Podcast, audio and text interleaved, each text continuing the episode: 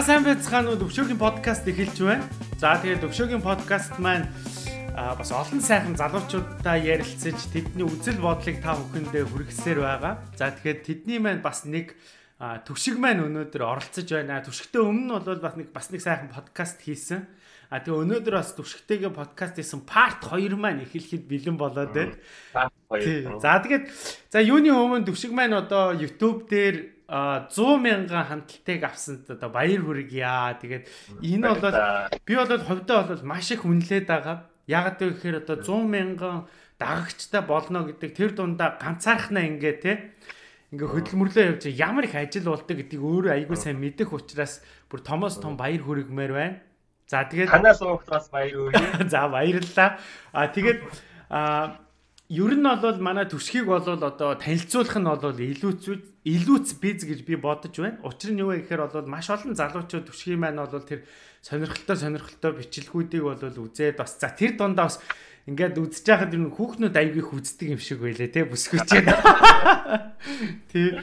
За тэгээд өнөөдөр яагаад би энийг ингээд илүү их нөө YouTube гэж яриад байна вэ гэхээр бит хоёрын өнөөдөр ярих сэдв бол ерөөсөө YouTube байгаа. Тэгэхээр энэ YouTube дээр бас хэрхэн одоо контент хийх үү, хэрхэн одоо дагагчаа нэмэгдүүлэх үү, энэ YouTube юу нь ямар зарчмаар яаж ажилдгүү гэдэг талаар бид хоёр төлхөө ярих юм аа. За өглөөний минь төргий түшгээр. За өглөөний минь. За чамаар сонь сайхан юу вэ? Юу болж наав чи сайн нэг айхтар төмөр боллоо да тий. Тэг сайн нэг айхтар төмөр боллоо. Тэгээд ерөөдөө буужинлаа. Одоо ч буужинж ийн ер нь бол тэгэл. Гэтэ бас ад болоход гайгүй үлдсэн. Notre Dame-ийн музей маань тэгээд яг гоо дэлхийн өв гэсэн утгаараа ер нь дэлхийд даяараа санаа зовж байгаа шиг байна дөө тий. Шведэд ч гэсэн бас дүүлэн болж л байгаа. Тэгээд гайгүй бас нөгөө хитэн баян юу бизнесмэнүүд нь юу яагаад нэлээд хандив өгөөд тэгээд засвартлах тэр нөхцөл бололцоог нь гайгүй бүрдүүлж ах шиг байна. Тэгээ бусдаарч бол тайван байна дөө ер нь бол. За сая дүүгээ хүргэж өчөөд сургуульд нь хүргэж өчөөд орж ирчихэл сайхан. Налаагаар сууж байна. За тэгэхээр хоёул одоо бүр эхнээс нь эхлэе л да. За түшиг маань ер нь энэ YouTube гэдэг энэ зүйлтэй хизээ яаж танилцваа. За дээрэс нь тэгээд өөрийнхөө одоо яг энэ аккаунтыг ер нь би энэ ютубер болъё гэдэг энэ юу сэтлийг хаанаас эхэлж авба тэнцэнээс хоёлаа эхлэе гэж бодож байна. Айгу сонио хариулт өгөх бах. Би өмнө нь ерөөсөө өөрийгөө ютубер болцсон байна гэж төсөөлж байгаа. За. Яг уу эхлээд яг уу яаж эхэлсэн бэ гэхээр бүр ихнээс ярих юм бол би ер нь YouTube-ыг бол идэвхтэй ашигладаг байсан.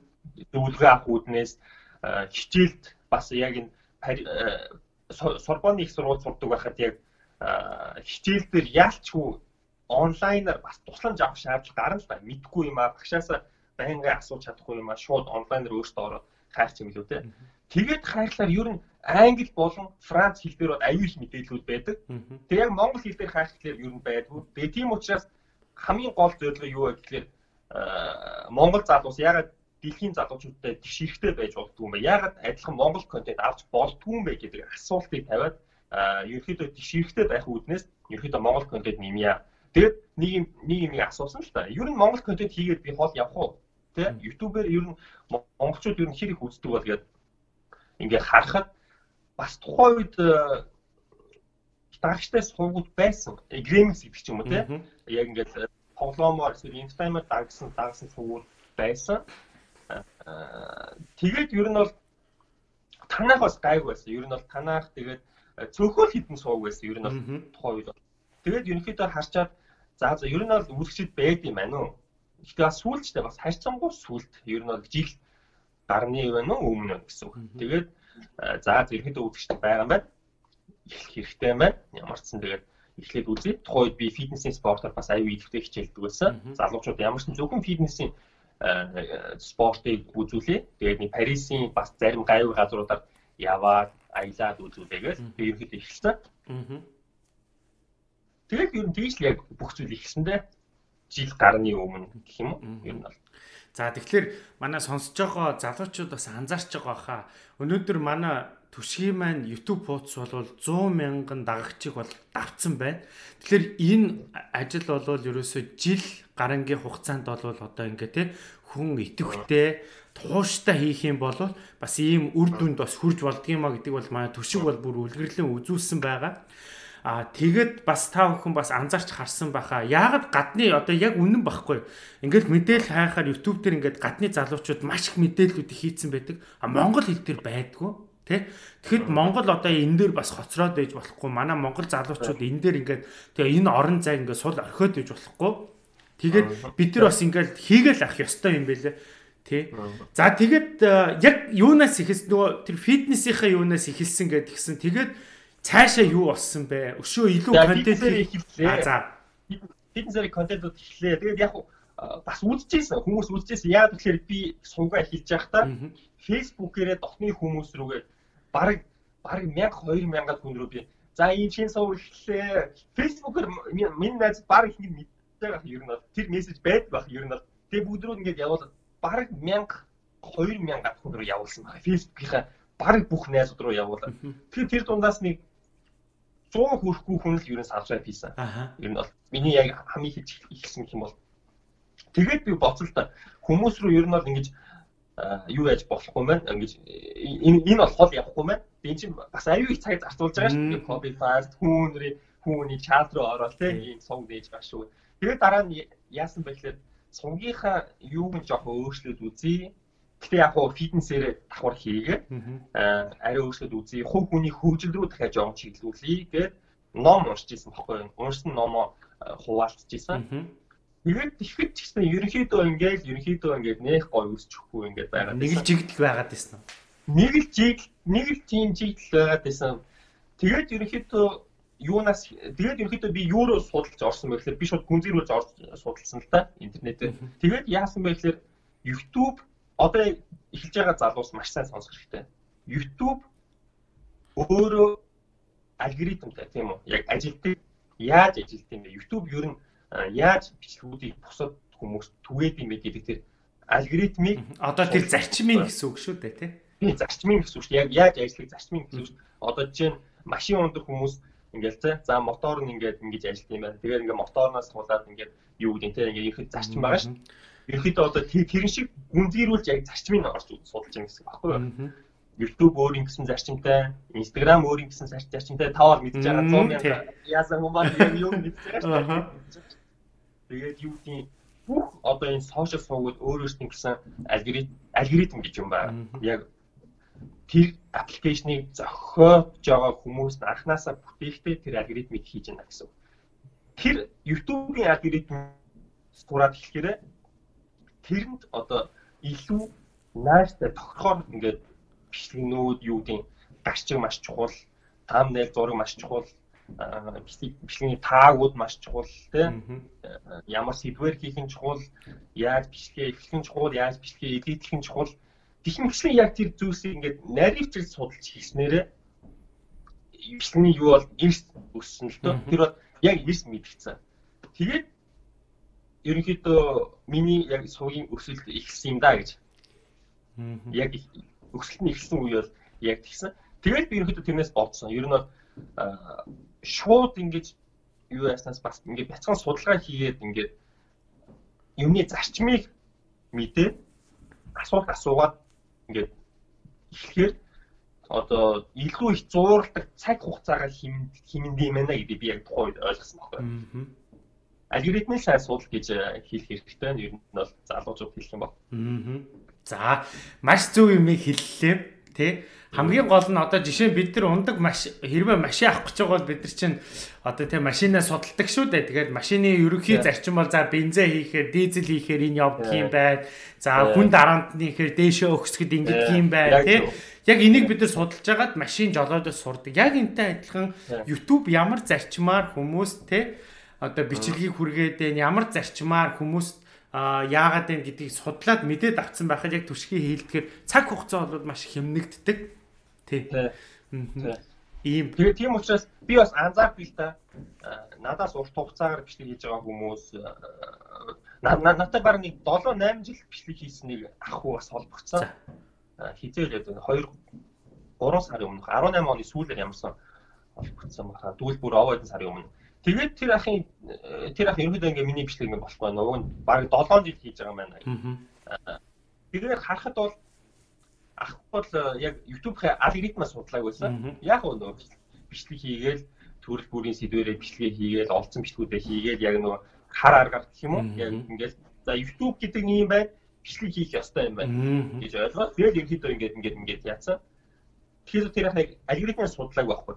Тэгээд яг энэ дээр харагдаж байгаа байхгүй. Цаг хугацаа яаж алдаж байна те. Яг тийм учраас яг цаг хугацаа гэдэг бол юугаар ч хэмжилчихгүй угаасаа тэгэл яг цаг хугацаа хэмхийн тулд яг тэнээс нь их хэрэгтэй юм лээ. Хийж байгаа контентын дээр анхаарахаас гадна YouTube өөрөө ямар зарчмаар яаж ажилладаг вэ гэдгээ бас анхаарах хэрэгтэй. Гэдэг имийг л хэлээд байгаа юм шүү дээ тий. Тий, тий. Амар чанартай амар гоё бичлэг хийлээ гэж бодлоо.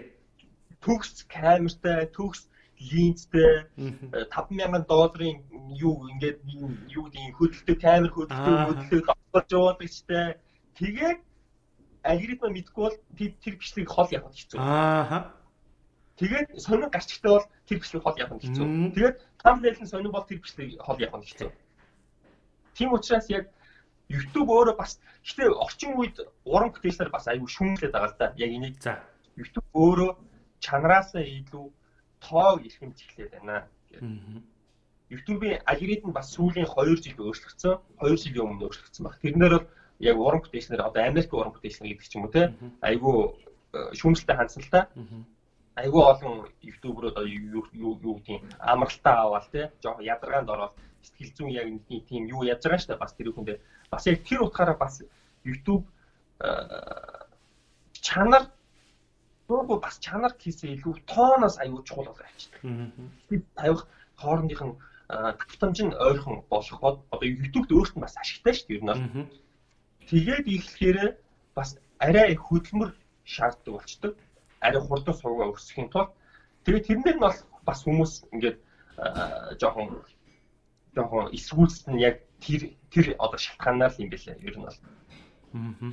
За Одоо бол хоёулыг сонсож байгаа улсууд бол одоо ингээд сайхан бичээл сонсож байгаа бах те. За эхлээд контентоо судлахаасынхаа хажуугаар бас YouTube-ийнхаа зарчмыг бас судлаад ямар зарчмаар энэ юу н мотор ингээд цаашаа явдгийг гэдэг бол мэдээд авах нь зүйтэй байна гэдгийг ингээд мэдээд авчлаа.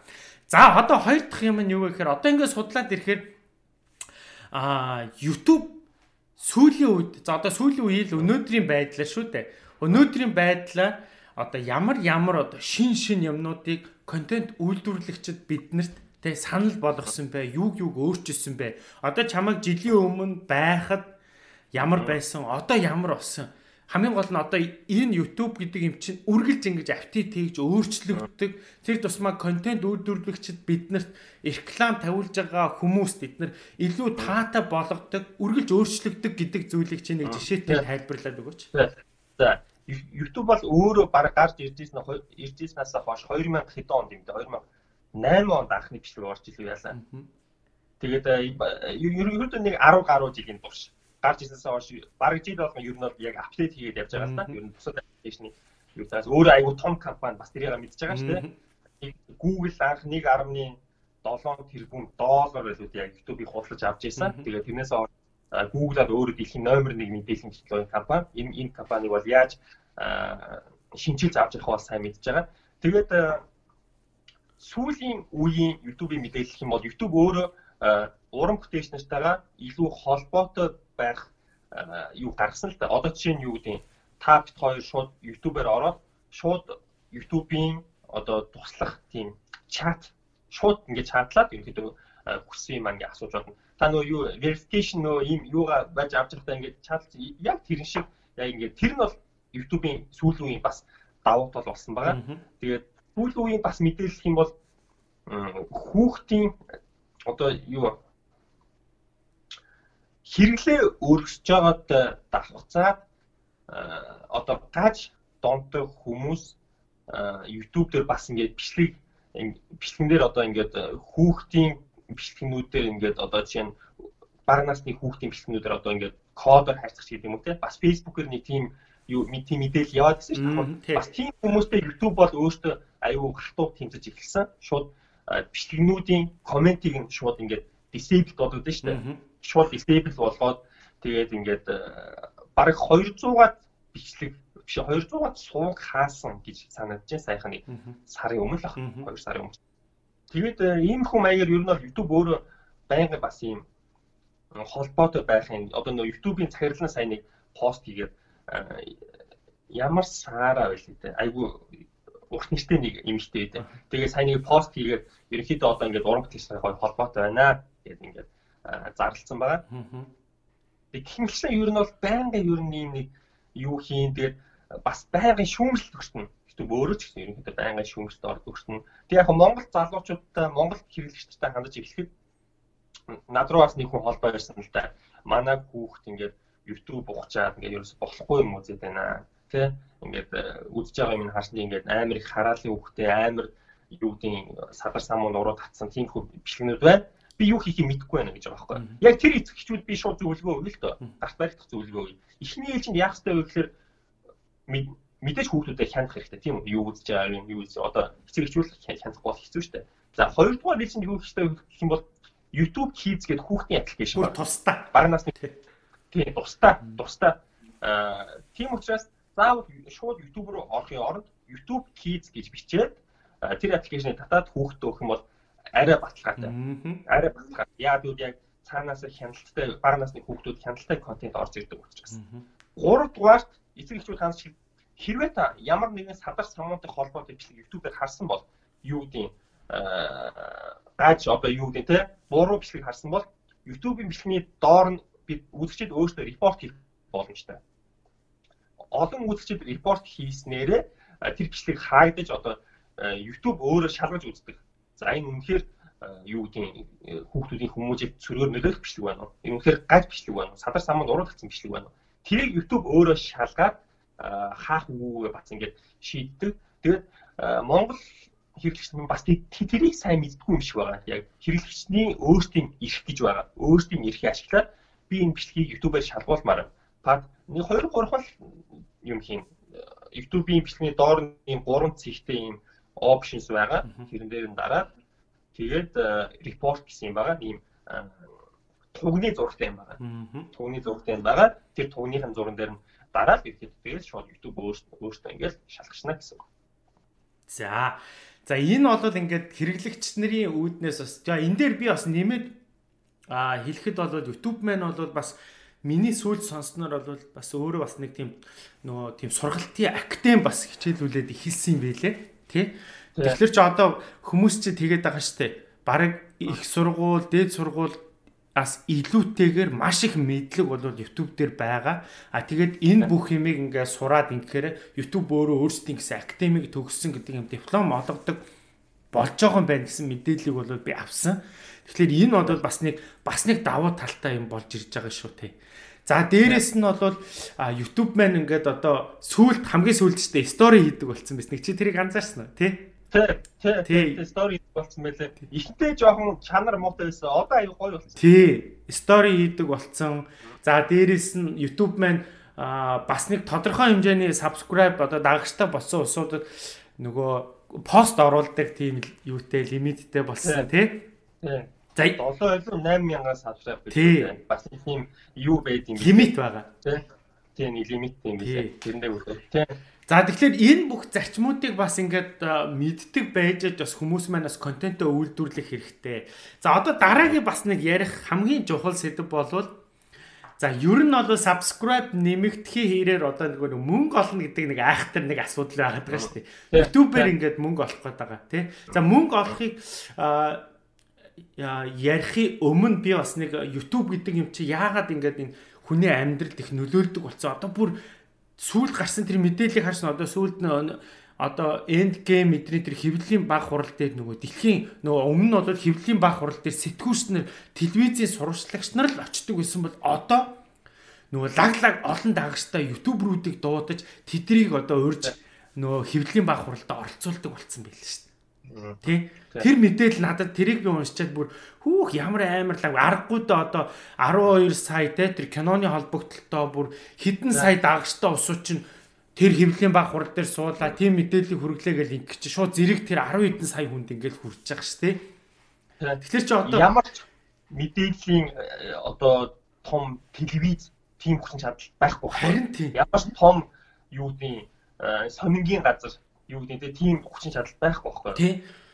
Мэдээлэл харуулж байгаа байхгүй тийм. Тэгэхээр энэ ютубер энэ YouTube одоо контент үйлдвэрлэгч нар чи одоо бүр тийм амар хэмжээний одоо тэр телевиз тэр сэтгүүчнэрийн хэмжээнд ингээ одоо очиж ирж тэдэртэй адилхан урагдаж хөвлийн баг хурал дээр сууж мэдээлэлээ бас түгээдэг болж ирж гин гэдэг чи өөрөө бас энэний ингээ үр дүнээ ингээ өсөөл яана л гэдэг имийг л харуулад байна л да тийм. За одоо нэг жохол юм нь юу вэ гэхээр нөгөө ютубер мөнгө олдгоо гэдэг байгаа шүү дээ тийм. За энэний тал дээр чи нэг мэдээлэл өгөөч. За мөнгө бол хамгийн том сэдв байсаар ирсэн. За ер нь бол яг монголчууд бас тэр дундаа яг яг ютубер олох мөнгөний тал дээр бол бас жоохон юу юм санагддаг. Тэгээ ерөнхийдөө мэдээлэл муутай. Яг мөнгө олдгоо тийм мэдээлэл муутай. Аа тэгээд би ерөөдөө яаж мөнгө олдъё? Маш товчхон хэлээ. Тэгээд яаж мөнгө олох боломжтой вэ гэдэг аргуудыг бас хэлээ. Эхний ээлжинд ютубер хүн олон мянган ханалт аваад ирэхээр баяжж гин гэж ойлгосон. Тэр бол буруу шүү. Би бол баян хүн биш. Тэгээд хоёрдугаар ээлжинд юу вэ гэхээр YouTube яаж одоо мөнгө олдог механизм юу вэ гэвэл бичлэг эхлэхийн өмнө за ерөнхийдөө 3 4 арга байна. Олон арга байна. Үндсэн нэг арга нь тогтмол нэг арга нь юу вэ гэхээр одоо бидний нэрдэг ютубер мөнгө алах арга гэж яриад байгаа шүү дээ. Тэр нь юу вэ гэх юм бол сурчлагаа байдаг. Бичлэг эхлэхийн өмнө гардаг сурчлагааг бол үзэгчид мэдж байгаах. Тэгээд гэхдээ яг бид нар өөрсдөө бас бичлэгийн айл хэсэгт бас тавихад шийдэж болно. Тэр сурчлагаа гаргахын тулд одоо YouTube-д мөнгө төлж байгаа байгууллагууд тэр мөнгөний 45% нь бидэрт орж ирдэг. Одоо нөгөө юунд уран бүтээчнэрт орж ирж байгаа гэсэн үг шүү. Тэгээ үүн дээр нэмээд үүн дээр нэмээд бас нэг бяцхан зөвлөгөө одоо бяцхан юу гэдэг мэдгэл хийх юм бол хэрвээ одоо дуртай уран бүтээчнэрээ үзэж байгаа үед сурчлага гарч ирэх юм бол skip гэдэг товчон дээр хэрвээ дэмжих хүсвэл скипсэн опшн дээр битгий дараарай тий.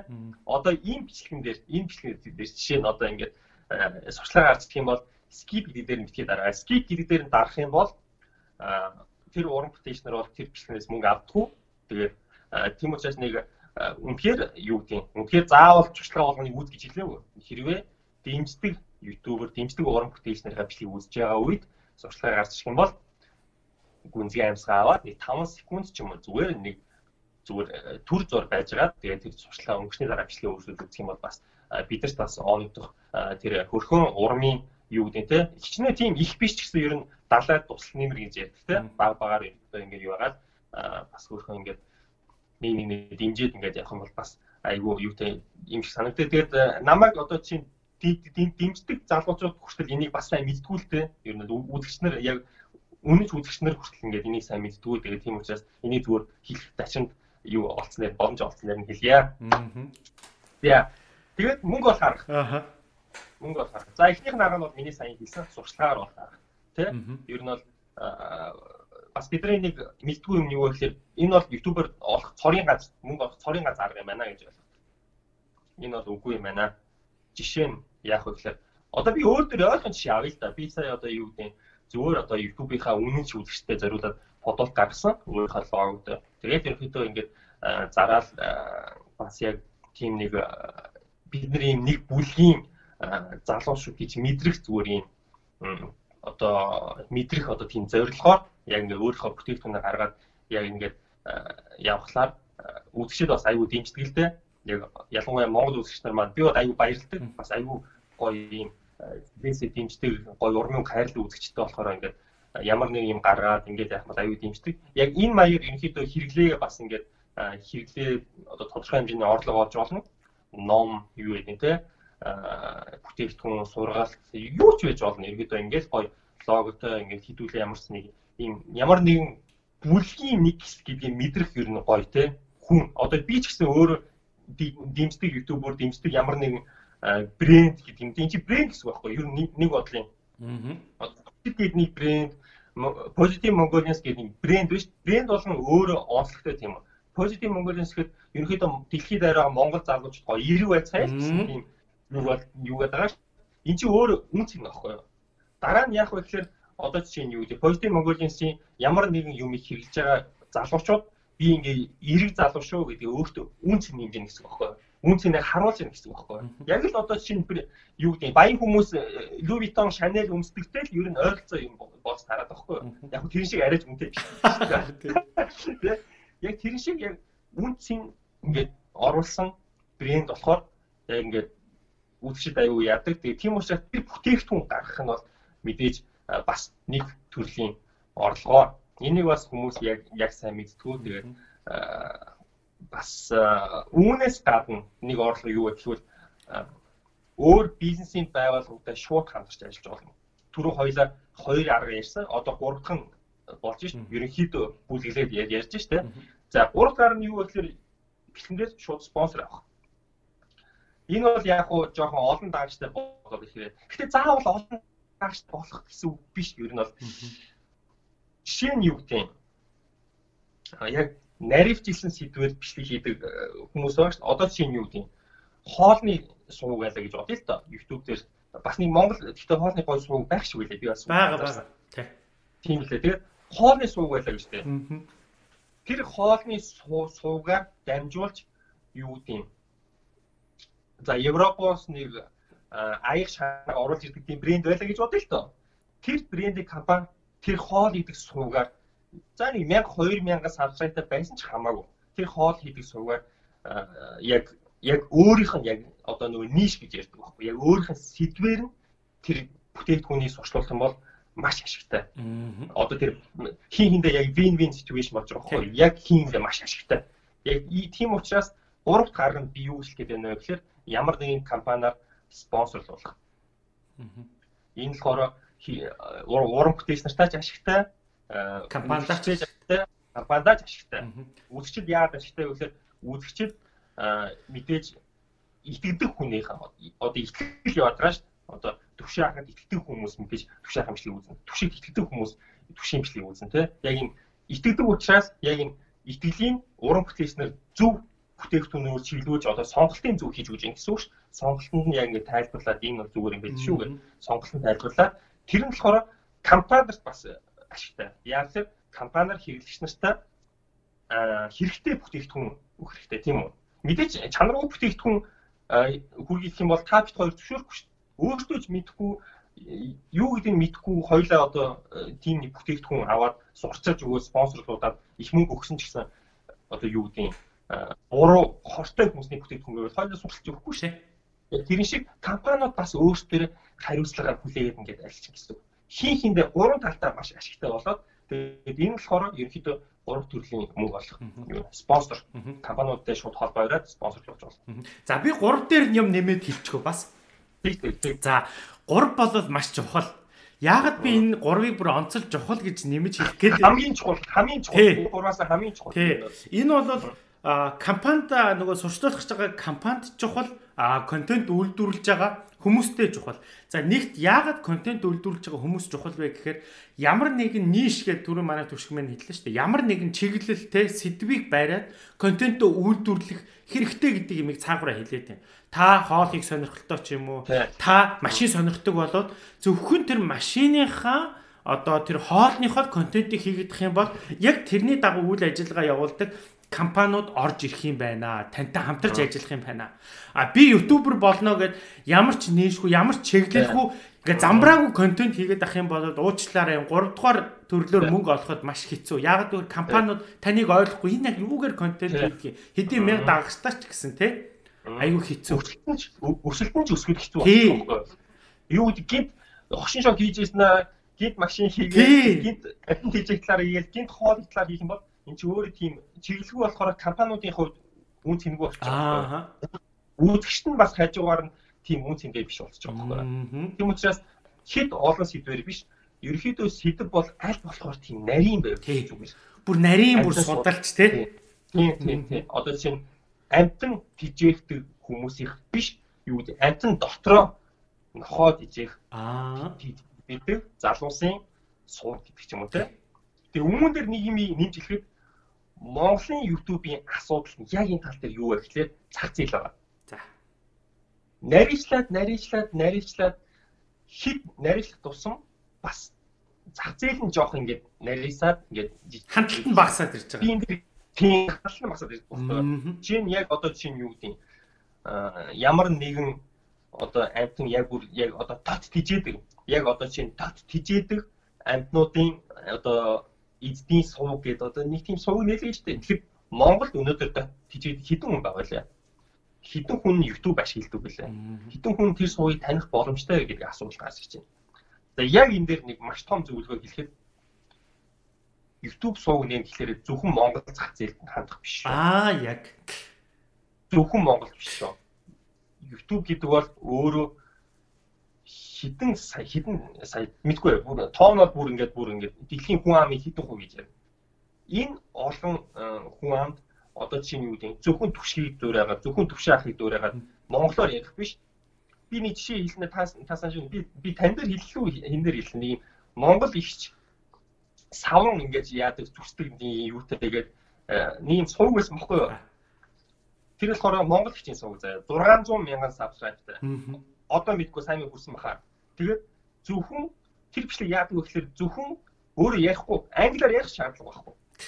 Тэр би юу хэлэх вэ гэхээр та том YouTube суугтай болохын тулд заавал англи манглиар хятадаар эсвэл олон хүн ярьдаг суугаар ч юм ярих шаардлага байхгүй. Тэр их яадаг вэ гэхээр зөвхөн шин савн юм угаадаг савн худалдаж аваад тэрийг утгаар ингэж зүсдэг олон төрлийн савн, яга өнгийн савн. За өнөөдөр хэдүүлээ давын савн авч зүсч үзнэ. Дийч хэлэхгүй гэхдээ дийч хэлчихгүй баг. Ингээл биччин зүгээр. Бичлэгэн дээрээ даа гэж бичин даа төдөө ямар ямар гэл ингээд яг тайлбарлаад биччин. Өөр яа шаардлага байхгүй. Тэгэл ингээд нөгөө микрофонтойгоо ингэж дууг нь оруулаад бичсэн байгаа байхгүй. Тэгэл тэр юу харуулж байгаа вэ гэхээр тэр их спонсороор бол маш их мөнгө олдог. Би тэр итгэлтэй ер нь хэлээ. Яа тэгэхээр савнгийн компаниуд ингээд яаж байгаа байхгүй юу? Савнгийн компаниудын хувьд бол тэр ихч бол эрдэнэ болгож байгаа байхгүй юу?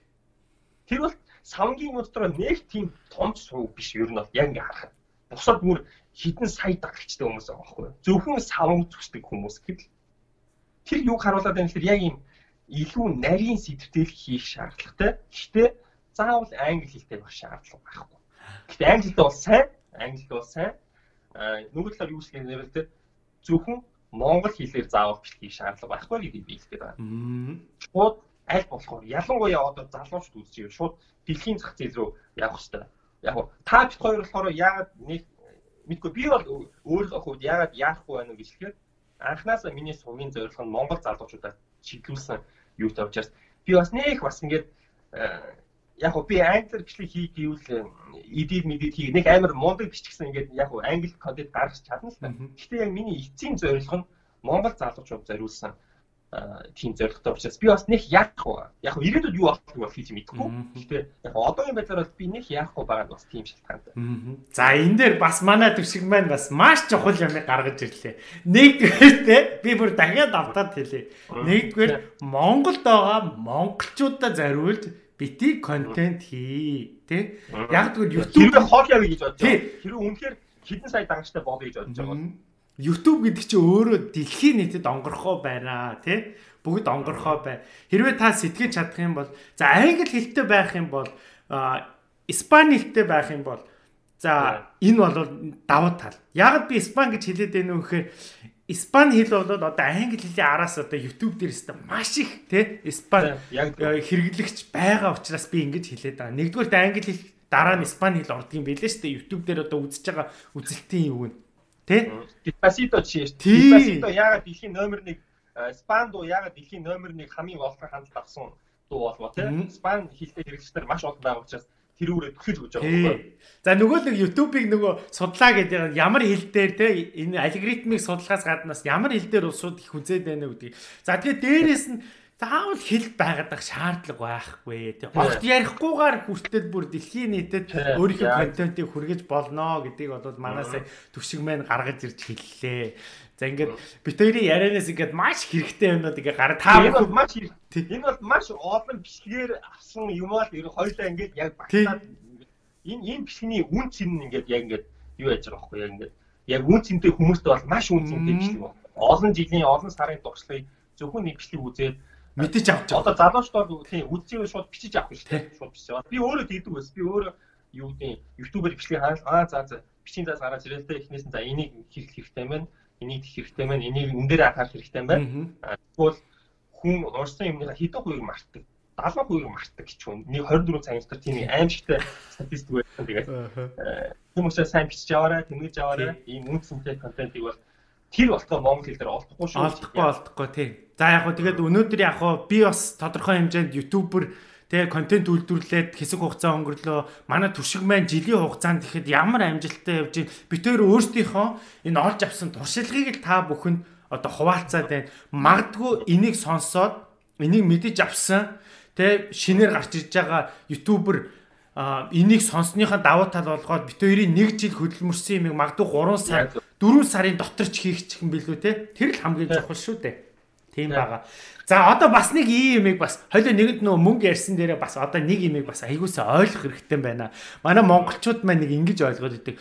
YouTube дээр контент үйлдвэрлээд тавилаа маргааснаас нь эхлээл мөнгө орж ирнэ гэж ойлгоод идэг. Тэгэхээр энэ үнэхээр мөнгө орж ирдэг юм уу? Яг хизээд нь мөнгө орж ирээд идэх. Тэрийг нэг хэлээ За ерөнхийдөө яг monetization гэж ярьдаг л яг тэр мөнгө орж ирдэг системийн болохоор monetization гэж ярьдаг. Сүүлд сүүлч явахдаа бас нэг 2 жилийн өмнөөс хадаа яг нөгөө YouTube нөгөө том алгоритмын шинжилгээ хийж явахдаа нэг юм лимит оруулсан байхгүй monetization.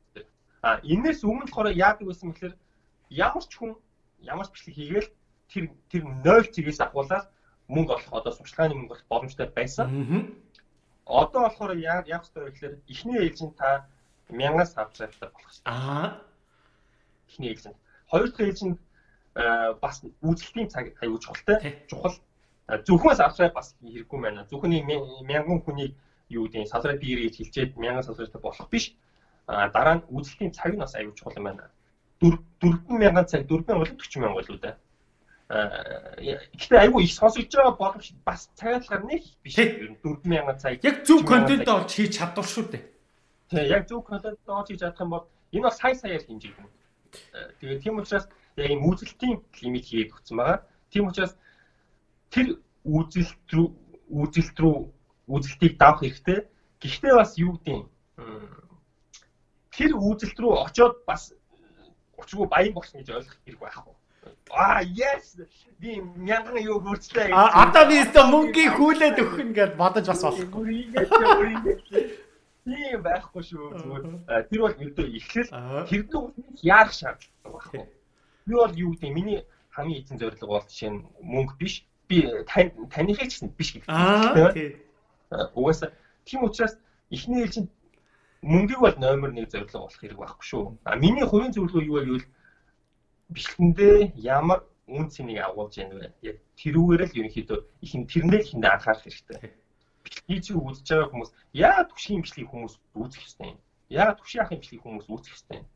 Тэ яг тэр асуултыг тавиад хүмүүс яагаад миний үүсэх ёстой юм бэ гэдэг асуултыг тавиад яг тэр үнцэндээ л яг хандах хэрэгтэй. Гэхдээ үнцэн гэхлээр хүмүүс юу ойлгодог вэ гэхээр зөвхөн ном уншин, зөвхөн юу гэдэг хувь хүний хөгжил мөөжл гэж ойлгодог тийм үү? Би нэг онгоо ярьлаа гэж бодъё. Нэг онгоо яриад хүмүүс инээжэвэл тэр бэлтний үнц ингэ явж байна гэсэн үг тодорхой хэмжээгээр.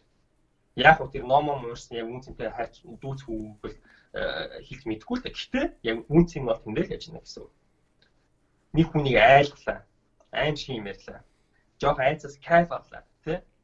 Тэрэндээ л үнц нь явж байгаа байхгүй. Яг тэр үнцэндээ л маш сайн анхаарах хэрэгтэй. Ер нь бол одоо чинь юу гэдэг хувь хүний брэнд гэж байгаа шүү дээ. Хувь хүний брэнд бусад хүмүүст урам зориг өглөө, тийм үү? Бусад хүмүүст зөвлөгөө өглөө. Э, яг тэр үнц нь бас байж болно. Янз бүрийн үнц нь байгаа. Яг үнц нь ихлээрээ зөвхөн одоо юу гэдэг бизнесийн ямар нэг юм э, номны тий яг тийж ойлгоод байдаг үгүй шүү тий яг бүх зүйл үнцийг яг шингэсэн байдаг. Яг тэрэндээ л маш сайн анхаарах хэрэгтэй. За. За одоо би бас энэ дээр нь бас нэг ганц хоёр надад тохиолдсон юм а би бас нэг нэмээд хэлчихье гэж байна. За яг түрүүн манай түшгийн хэлсэн бол ийм лимит байдаг шүү гэдгийг би одоо дахин давтаж хэлмээр. Нэгдүгээр subscribe-ийн лимит, а хоёрдугаарт үзэлттэй лимит. За тэнгуү чи одоо битээр тохиолдсон нэг юм нь юу вэ гэхээр ингээд бит хоёр чинь YouTube дээр ингээд нөгөө контент эхлээд бит хоёр чинь нөгөө Facebook дээр контентоо үйлдвэрлээд тавьдаг байжгаад YouTube-ыг нэг тоодгүй байсан юм чинь. А тэгээд YouTube дээр тавьдаг болсон чинь аваа ингээд хүмүүс нөгөө Facebook дээр үзчихсэн усод YouTube дээр үзээд ихтлэнгүүт чинь хүмүүст хамгийн их мессежүүд битэрт ирдэг юм нь юу вэ гэхээр тоо ёстой YouTube-аас амар их мөнгө олж гин үү тэгж гин үү гэж мессежүүд ирээдсэн байхгүй. Үгүй бид нар чи ямар ямаараа олох вэ? Юу ч орж ирэхгүй байгаа юм чи. Тэр лимитэнд нь хүрэхгүй байгаа шүү дээ. Мянга subscribe чүрээгүй, дээрэс нь тэт нөгөө хідэн нөгөө цаг үтсэн байжээж мөнгө орж ирнэ гэдэг. Тэгээ бид нар чи хэлчихгүй үгүй YouTube-ээр чи мөнгө орж ирдэг юм байна. Чи тий та нар шиг ингээд бид нар чи байнга асуу хоёр хэдийг олдог үннээ хэлчихэж яагаад ингээд нуугаад хоёр мөнгө олдог үстэй. Үгүй бид нар ингээд үгүй эн чи мөнгө олоогүй бид нар мөнгө олоогүй гэдэг.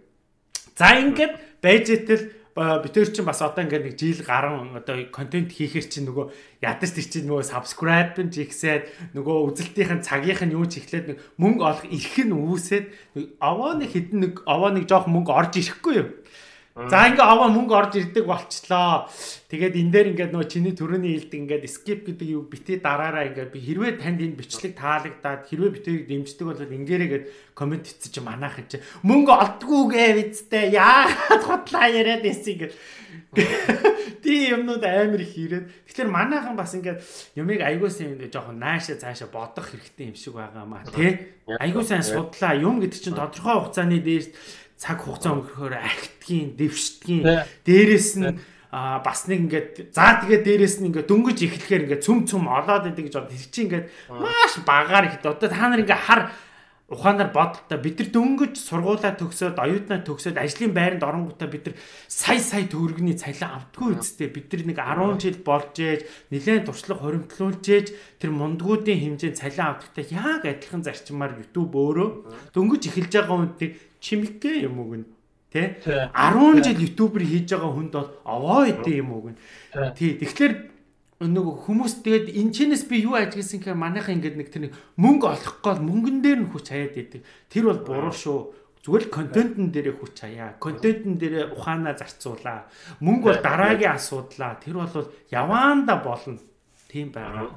Тэгээд нэг дахиад нэг юм нэг хийхэд нэг аюул чухал зөвлөгөө залуучууд хандах гэхэд залуучууд юу нэг ютубер болохын тулд сургуулаа эсвэл хичээлээ эсвэл ажиллаа тэр чигт нь хаяад 100% дайрдаг. Аа тий. Яг яг энэ дээр зүйл аа ютубер олох мөнгө чинь хэрэглэнээс зөвхөн хитэрсэн цагт ажиллаа эсвэл сургуулаа эсвэл яг тэр мөнгө олдог чухал юугаа хаях хэрэгтэй шүү биш ээ. Хаяж байгаа юм шүү. Хаяж байгаа юм биш шүү.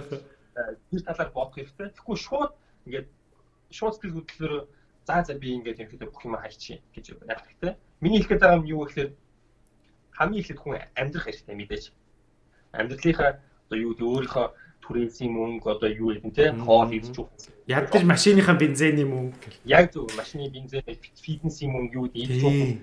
Тэгээд тэрээр олох юма яг ингээд олох хэрэглээний мөнгө яг ингээд байлгаж чагаад хажуугаар нь YouTube хийж чагаад яваанд хүсэн хүсээгүй YouTube-ийн хэрэглээ ингээд жоох ингээд тэр хэрэглээд байгаа төхөөд гэх юм бол тэгсэн цагт яг уу тэр талаар бодож яг уу их хэрэгтэй. Тэгэхгүй бол залуучууд вэ гэхээр шууд сэтгэл хөдлөлөөр аа за за би одоо шууд YouTube болох юм.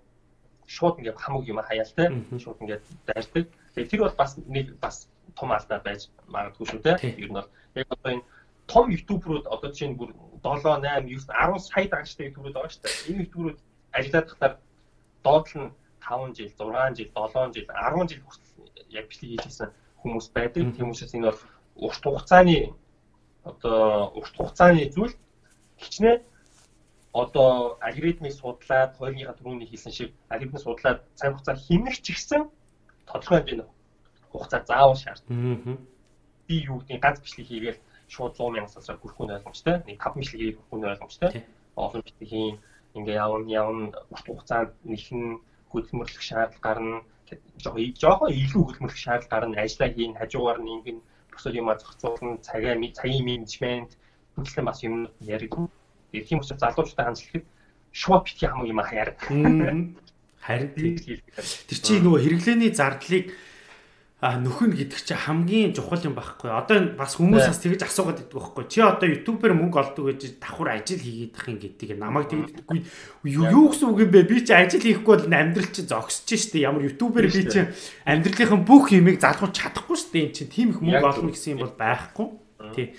За мөнгөний тал дээр бол ийм байгаа. А одоо тэгээд бас нэг онцлогтой энэ мөнгөн дээр бас нэг юмыг онцолж хэлэхгүй бол бас манай монголчуудаа төөрөлдөд ээж магадгүй.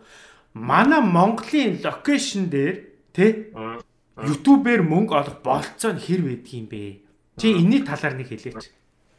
Миний локейшн анх юу яасан Монгол дээр яг локейшн дээр monetization enable хийх гэж хахад одоо нөгөө мөнгө авдаг тэр нөгөө юугаа хийх гэж хахад танай улсад одоо боломжгүй байна. Одоо ямар болсон мэдэхгүй байна. Гэхдээ яг тухайн үед бол тэгжсэн. Тэгээд би юугаа Америк болох байлаа. Америк болох санагдаж байна. Локейшн Америк болгож байгаа. Тэгээд monetization хийсэн чинь болцсон. Баггүй юу? Тэгээд тэрнээс хойш одоо бол минийх локейшн Монгол гэж явдаг л да. Яг YouTube-ийн локейшн Монгол гэж явдаг. Тэгээд яг хүмүүс аюух асуудал та хэрэг болохгүй бол Америк руу шийдвэрлээд үзээрэй. Америк руу шийдэн юу өөр нэг орн руу шийдвэрлээд үзээрэй. Тэгэхээр тэгэх юм бол бас ингээд болох байхаа. Би л тэгж бодож би бас одоо сайн санахгүй байна. Тухайн үед би шууд Америк руу шийдвэрлсэн санагдаж байна ямар ч гэсэн. Тэгээд яг дараа нь буцаач болно л доо дараа нь өөрсөж болд юм лээ. Тэгэхээр хамгийн гол нь яагаад энийг онцож хэлээд байна вэ гэхээр одоохондоо манай нөгөө нөгөө Монгол компаниуд Тэ? Манай Монголын компани маркетингийн энэ одоо энэ ажиллаж байгаа энэ маань одоо л энэ YouTube дээр зар байршуулах те.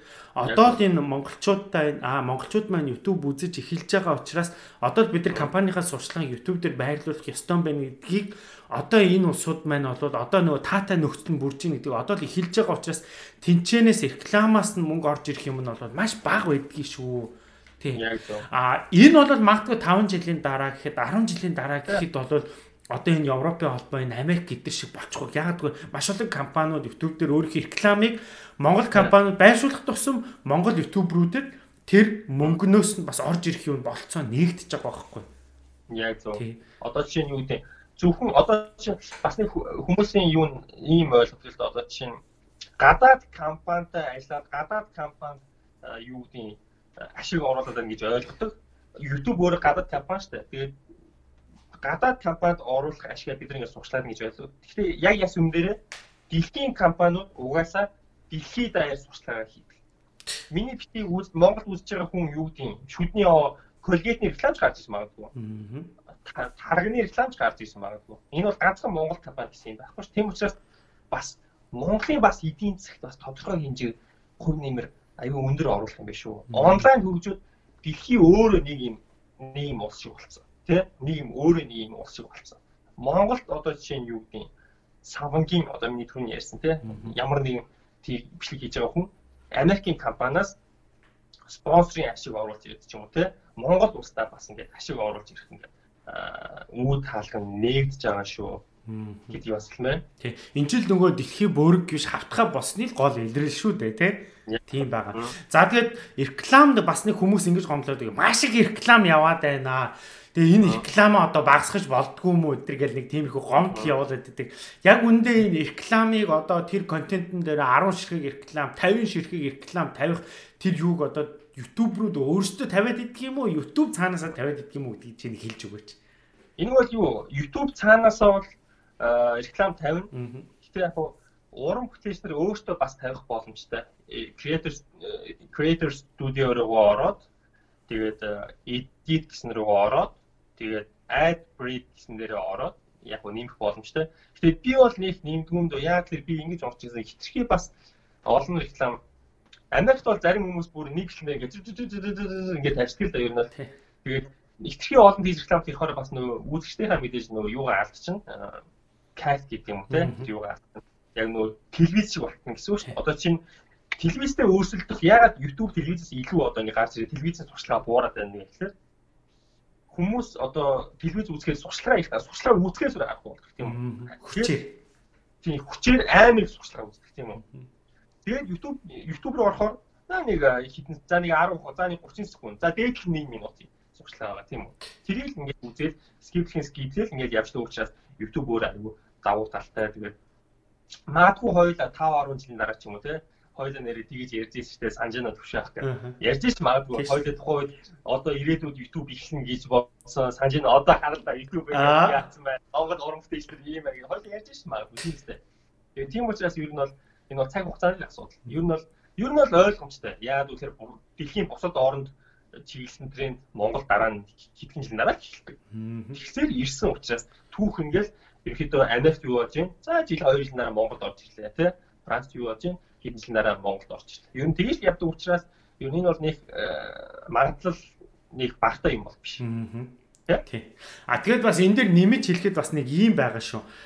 Маш их хандлттай бичлэгэн дээр YouTube өөрөө автоматар маш их рекламыг байршуулад идэг юм билээ шүү. Тэрийг би бас мэдэж авсан. Тий. А тэрнээс үш яг хим э, түрүүний манай түшгийн хэлсэнчлэн нөө тэр эд гэдэг дээр реклам нэмэж болно л да. А гэхдээ за YouTube руу бол үсрээл нэг эхэлт нь юм уу төгсгөлд нь реклам тавьдаг. Ер нь бол зарчим нь. А тэр дунд нь байгаа рекламуудыг та тэр бичлэгийг э, одоо нөгөө их үзэх тусам тэр одоо аккаунт дээр тавигдсан бичлэгийг их үзэх тусам YouTube өөрөө цаанаасаа яг гэхээр тэр компаниудаас би таны рекламыг гаргана гэх мөнгөний авсан учраас хаа нэг хандлт их байна тэрэн дээр нь автоматар рекламуудаа зоогоод идэг. Яг зөв. Тэгээс бол 100% одоо YouTube руу тэрийг шийдэж байгаа юм биш? Тийм YouTube руу энэ контент үйлдвэрлэгч нар өөрсдөө шийдэж байгаа юм биш. Энэ YouTube гэдэг компани өөрөө энийг тавьдгийг шүү гэдгийг ойлгох хэрэгтэй. Тийм. Тийм. Яг зөв. За одоо ингээд энэний талаар бас нэлээ их мэдээллийг бас авсан байхаа гэж бодож байна. За тэгээ одоо бас нэг дараагийн нэг асуух юм нь юу гэхээр за YouTube ер нь үзэж байгаа хүндээч тэр контент үйлдвэрлэж байгаа хүндээч тэр тэ түшиг ер нь яг ямар ашигтай юм. Тэ энэ давуу тал нь яг юу вэ? Чи энэний үр дүнгийн нэг хэлээч. Өнөөдөр YouTube одоо YouTuber болохоос өмнөх түшиг ютубер хийгээд болсон жилийн дараа болсон төшиг хоёр өөрчлөлтсөн өөрчлөлтч гэдэг юм уу тэрнийхээ давуу талыг чи нэг яриач. За миний яг хувийн хүсэл юу бол сонирхол бол би анхныхаа бичлэг хийж та баг хэлжсэн баха. Би ингээд одоо YouTube дээр ингээд ерөөхдөө зүгээр өөрийнхөө бэлтгэлийн фитнесийн бичлэг хийж та хэлжсэн. Бэлтгэлийнхаа бичлэгийг хийгээд бас ингээд бусад хүмүүс хөгжөхөөс гадна бас өөрөө хөгжих зорилгоор ингээд бичлэг хийж эхэлж байгаамаа. Тэгээд одоо ингээд харахаар жилийн өмнө одоо хийж исэн бичлэг хийж эхэлж исэн түвшиг одоогийн түвшиг хоёрын хооронд бол мэдлэгийн зөрөө байгаа. Тодорхой хэмжээнд туршлага аавны бичлэг хийж байгаа хүн өөрөө бас хажуугаар нь хөгжиж байгаа шүү. Яаж бичлэг хийх вэ?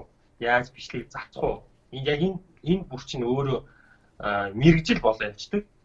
Бичлэг зарцах гэхэд л энэ бол тусдаа мэрэгжил камер ингээд гэрэлтүүлэх гэдэг ч юм уу те хамаг одоо memory card яасээс ингээд бүх юмаа ингээд зохицуулах шаардлага гарна. Энэ юу зүйлсээр би аюул авсан, аюул юм сурсан. Бас контент бэлтгэж байх хоорондоо ч гэсэн би одоо юу гэдэг зөвхөн ямар нэгэн юм заах биш зааж байгаа хүн өөрөө хамгийн их бас сурдаг.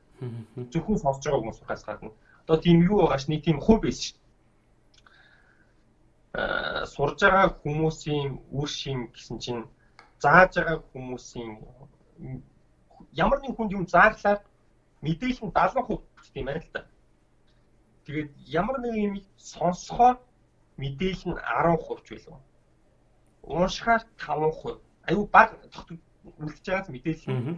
Тэгээд юмыг зааглаар 70% одоо мэдээлэл үлдэх, илүү их цэвэрлэх, илүү их сурдаг гэсэн. Яг тэр утгаараа яг хөгжсөн гэх юм бол яг аюу тэр тал дээр бол маш хөгжсөн. Миний сувгийн өөрийн өөрөө бол тэр хамстаа хөгжцгөө хамстаа хөгжцгөө үлж байгаа хүн ч хөгжий би өөрөө ч гэсэн хөгжий хүн болгон алддаг хүн болгон ямар нэгэн алдаа гаргана тэр алдаан дээрээс л хамтдаа хөгжий би алдаагаа ярий тэ үзэгчтэй ярий үзэгчнэр ч гэсэн надад комментоор юу гэдэг ингээд а тийм хэрэгтэй байна энэ хэрэгтэй байна тэ? Зөв шүүмжлийг хүлээж авъя тий би өөрөө ч гэсэн өөрийгөө хөгжүүлье. Ингэснээр бас наад захын камерны урд ярих. Та жилийн өмнө хэрвээ надад ирсэн бол би ингэж ярьж чадах ч үгүй чи би бол эргэлдэж байна ер нь тийм учраас яг энэ ур чадвар өөрөө хөгжих асуудал дээр бол нэгт мэдээж тэр бол маш том давуу тал. Хоёрт юу гэх юм бол бас олон хүн таньдаг болсон. Энэ бол надаас аюу гоё яваад яг үнийг хэлэхэд одоо Европ дотор юу гэдэг тэмцээн мэмцэн сагсны тэмцээн гэж болдог. Сагсны тэмцээнүүд төр сагс тоглоод явхаар хүмүүс аюу танилтай өө бичлэг үздэг шүү гэхэд би бас өөр аюу гоё урам зориг авч байгаа. Өөрчлөлөөрөө битгий зогсоорой гэхэд аюу гоё тухай үед таа ч гэсэн яг мэдж байгаа. Зориг бол аюу хүчтэй байдаг хүн гэдэг бол өөрөө урамын тийм сэтгүүгээр холбогдож амьд амьдэрдэг. Яг тэр яг үнц нь бол бас дараа нь орно. Хүмүүсийн хүмүүс танигдж энэ хүмүүс урам зориг өгч одоо чинь юу гэдэг доод үеийнхэн эсвэл залуучууд эсвэл магадгүй надаас ахмад хүмүүс ч байж болно. Надаас сурах юмаа сураад үлгэр жишээ аваад ингээ яаж ивэл тэр л одоо миний том зорилгоудын нэг. Тэгээ тэр бол бас хоёр дахь юу вэ? Хоёр дахь давуу тал. За хамгийн хоёр давуу тал нь тийм. За манай төвшиг маань бол маш зөв юмнуудыг хэллээ YouTube гэдэг өөрөө ийм сайхан зүйл үзэж байгаа хүн нэг сурна а тэр контентыг үйлдвэрлэж байгаа хүн үзэж байгаа хүнээсээ илүү их сурна. Тийм тэгэхээр би бол Монгол залуучуудад бас хэлээд байгаа маш их YouTube контент одоо үйлдвэрлэгч нар гараасаа. Яг гэхээр тэр хүн өөртөө амар их цаг зарцуулна. Маш их юм сураад байгаа байхгүй тий тэр нь хамгийн том. Тэр мөнгө олохоос илүү чамд хэрэгтэй юм тэр байгаа байхгүй. Өөрөө маш их боловсралдаг маш их цэнэг цэнэглэгдэг дээрээс нь цаг үеэ маш сайн мэдэрч чаддаг болдог байгаа тэгээд энэ бол яг хуу төвшөр ахад ашигтай эсвэл төвшөлт ашигтай утгаар нь бол хоёлаа ингэ заахад байгаа юм биш үү за яг үн цэнтэй бичлэг хийлээ. Энэ бичлэгийг нэг хандлт даван те. За тэр яг уу ингээд тэр яг уу нэг жижигхэн зорилго. Яг уу хүмүүс болохоор юу ч ойлгож магадгүй гэхээр яг уу буруугаар ойлгож байгаа хүмүүс байж магадгүй багсаа төвшин хахад ашигтай болохоор YouTube контент үйлдвэрлэж байгаа хүмүүс олон болохоор төвшин хахад ашигтай эсвэл энэ сувгууд ашигтай гэж ойлгож иж магадгүй. Үгүй шүү. Яг зүгээр хоёрын яг зорилго нь юу гэх юм бол хамтдаа хурцдаг. Хамтдаа биш хамтдаа ингээд ингээд орой дээр ганцаараа байх амар юу гэдэг те ямар ч утгагүй шүү дээ. Ямар нэгэн уулын залуучгүй уулсаар хамтдаа яг залуучтаараа магадгүй дэлхийд алчтай хэдэн ютубер гарч ирэх юм бол гарч ирэх юм хин мэдлээ. Тэ? Тэгвэл тэгвэл тааж баярлан би ч баярлан. Тэгээс бол юу гэдэг яана надаас олон юу гэдэг хадалтай хүн гараад ирлээ. Өөрсдийн юм уу? Энд чинь Монголын нэр л эцэн ярьж байгаа чи хамтдаа Монгол залуучууд л гоё ингээд юу яаж ивэл гээл тэр бол хамгийн энэ бичгийн хамгийн том зорилго шүү те. Аа. Хамгийн том кап нь тэнд байгаа. Тий, хамгийн том кап, хамгийн том үнц нь тэнд байгаа байхгүй юу? Аа. За тэгээд э, чиний нөө ярьж байгаа яриа руу ороод нэг асуул гэжээс асуултаа мартсан.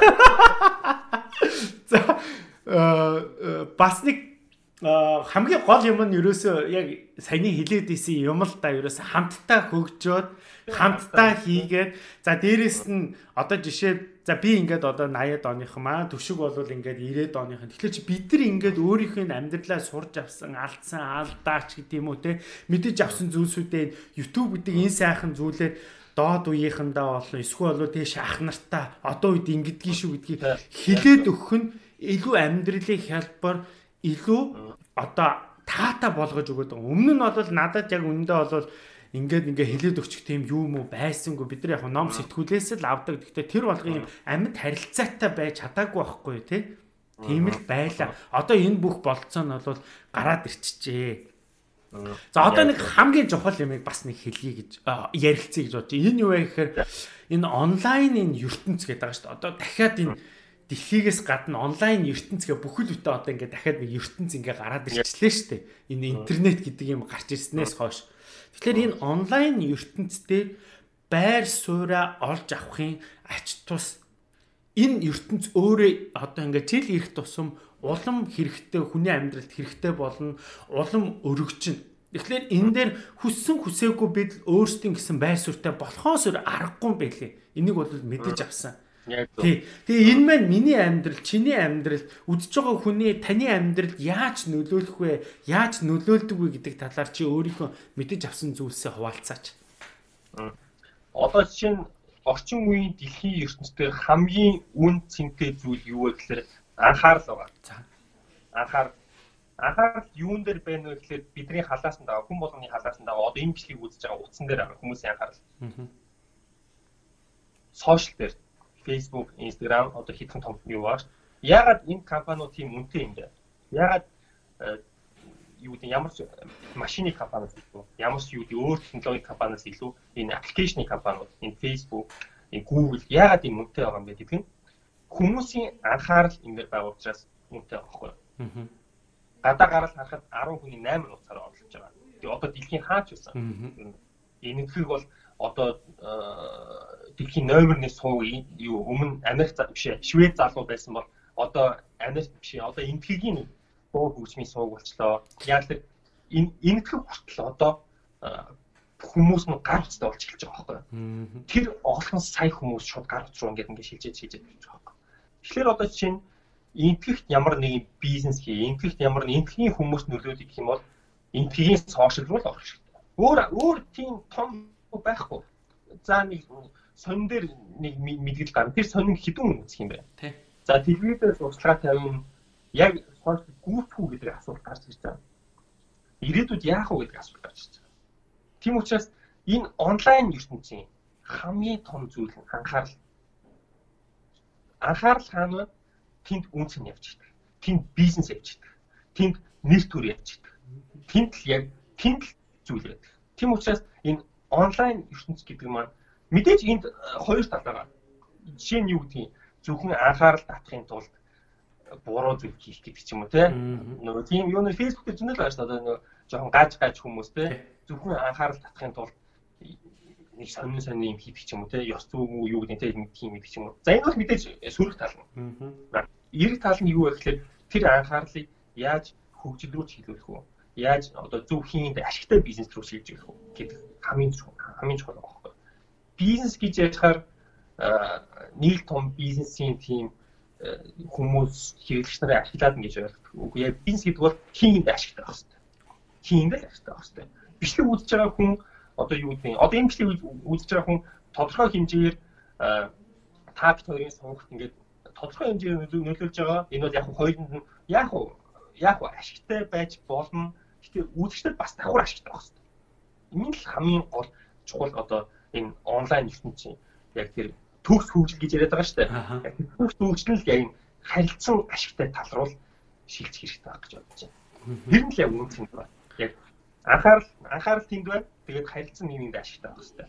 Энэ хоёр зүйл ерөнхийдөө орчин үеийн онлайн онлайн ертөнцийг ерөнхийдөө харуулж байгаа доо. Тий.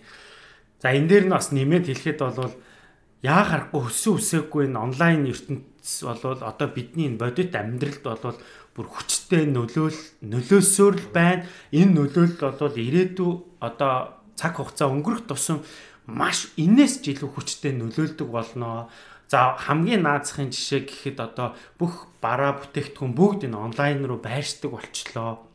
Тэ?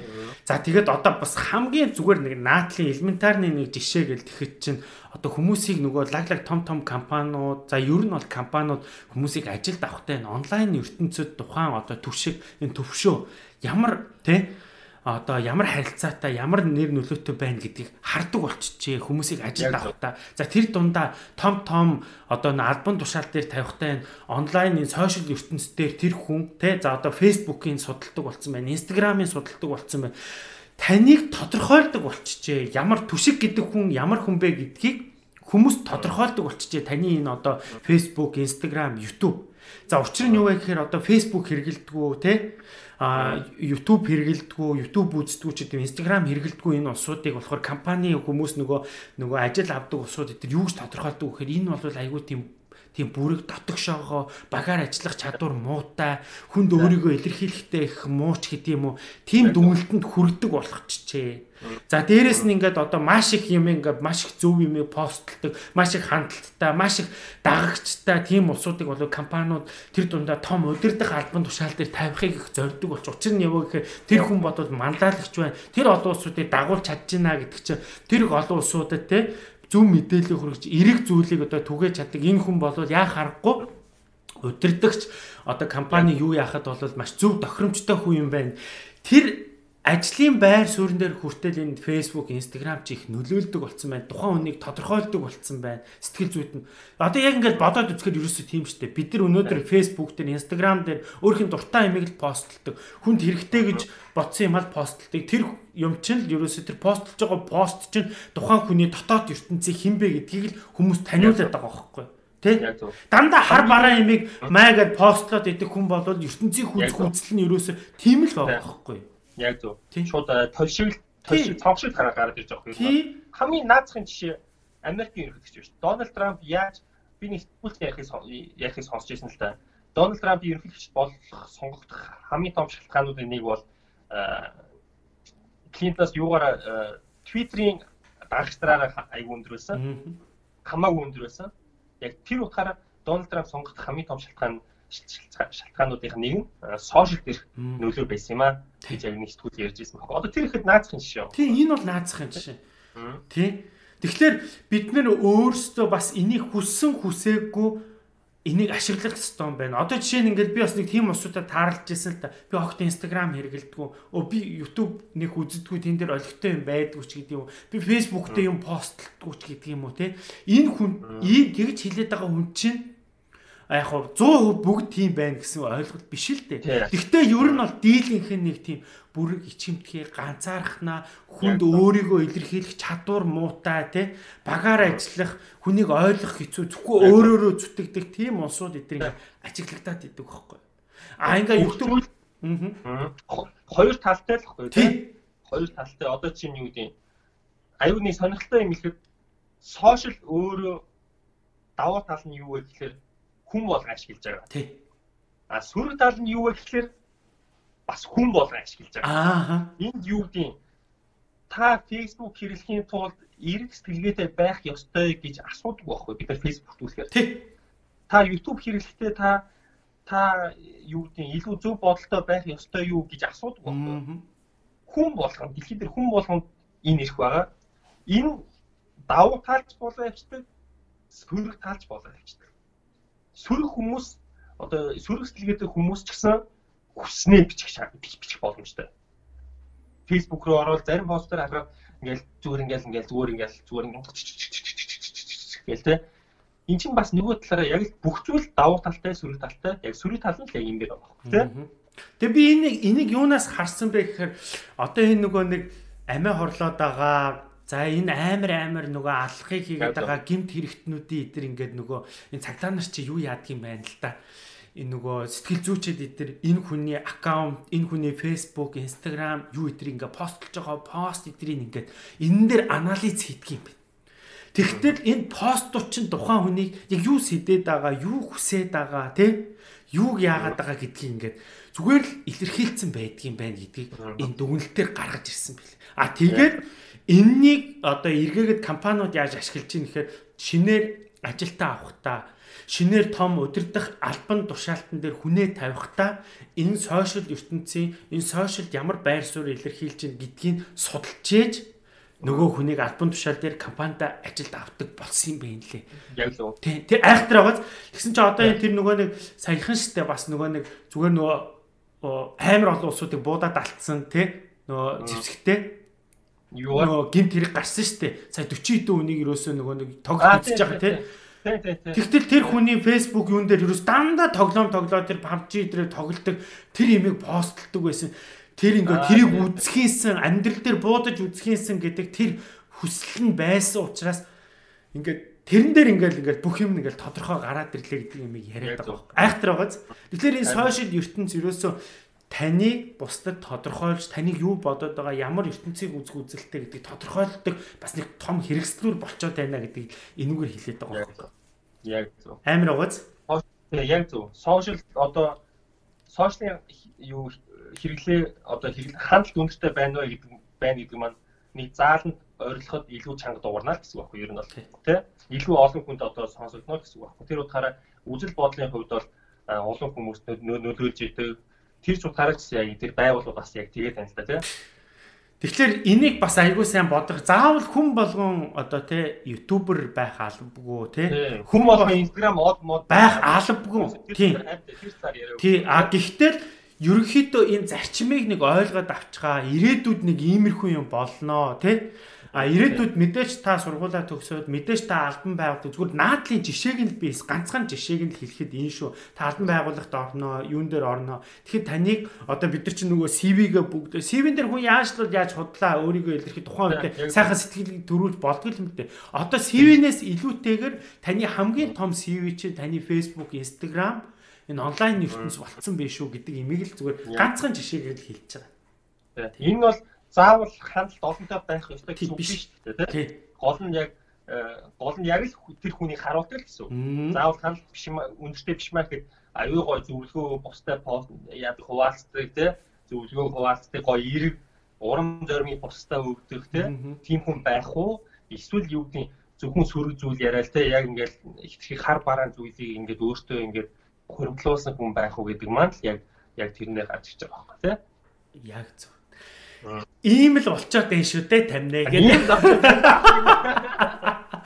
За цаг үе бол нэг ийм л болчоод байна. Тэгэхээр энийг бол бас үгүйсгээд байж болохгүй яа өссөн үсээгүй ингээ бид нар рүү орж иж бидний амьдрал нөлөөлж байгаа учраас бид нар энийг өөрсдөө маш их одоо тий эргээр хүлээж авч а энийг бид нар яаж тий маш зөв өөрийгөө илэрхийлэх вэ гэдэг одоо талаар аягүй сайн бодох хэрэгтэй юм а. За тэгээ чи хоёрын бас өнөөдрийн подкаст бол одоо сонссон усуудад маш хэрэгтэй зүйлсүүдийг ярьсан баг. Тэр дундаа одоо энэ YouTube контент төр одоо үйлдвэрлэгч болъё гэсэн усуудад бас маш одоо тий мэдээллийг өгсөн байхаа гэж бодож байна. А тэгээ бит хоёрын яриж одоо орхигдуулсан ч гэдэг юм уу? Магадгүй өшөө битээрээс мундаг мундаг YouTube руу те мэдэж авсан зүйлсээ бас энэний доотлох комментээр бичээд за энэ хоёр бас ийм их дутуу үлдээсэн байх шүү.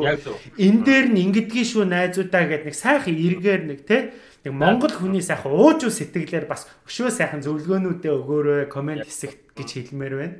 Тэ? Subscribe хийж амжаагүй subscribe хийгээрэй. За тэгээд Монгол subscribe хийгээрэй. Ааха. За тэгээ манай түшгийн маань гасны зөвлөгөө хэлчих. За тэг.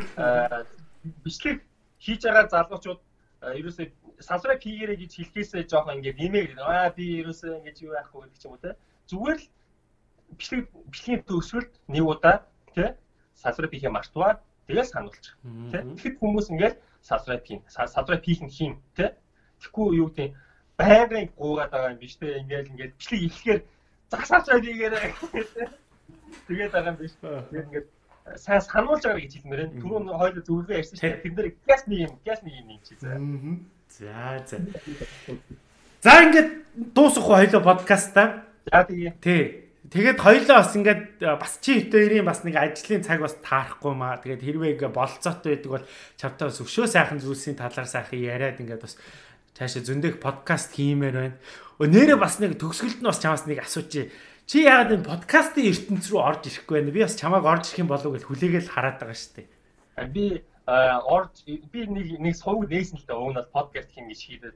Тэгээд яг одоо одоогийн байдлаар бол үндсэн сувганд ерөөд анхаарлаа хандуулъя. Тэгээд миний яг бодсон зүйл нь юу вэ гэхээр одоо Монголд очисон хойно ч юм уу те яг подкастын юг яг эхлүүлдэг юм уу бас яг хүмүүстэй уулзах тал дээр ч гэсэн арай юу юм болов арай өөр юм болов гэж бодоод ерөөдөө төр зур төр зур подкастаа ерөөдөө ингээд ингээд артуус материал би бас нэг сувг мөг нээсэ ер нь подкаст төвшиг сувг нээсэ.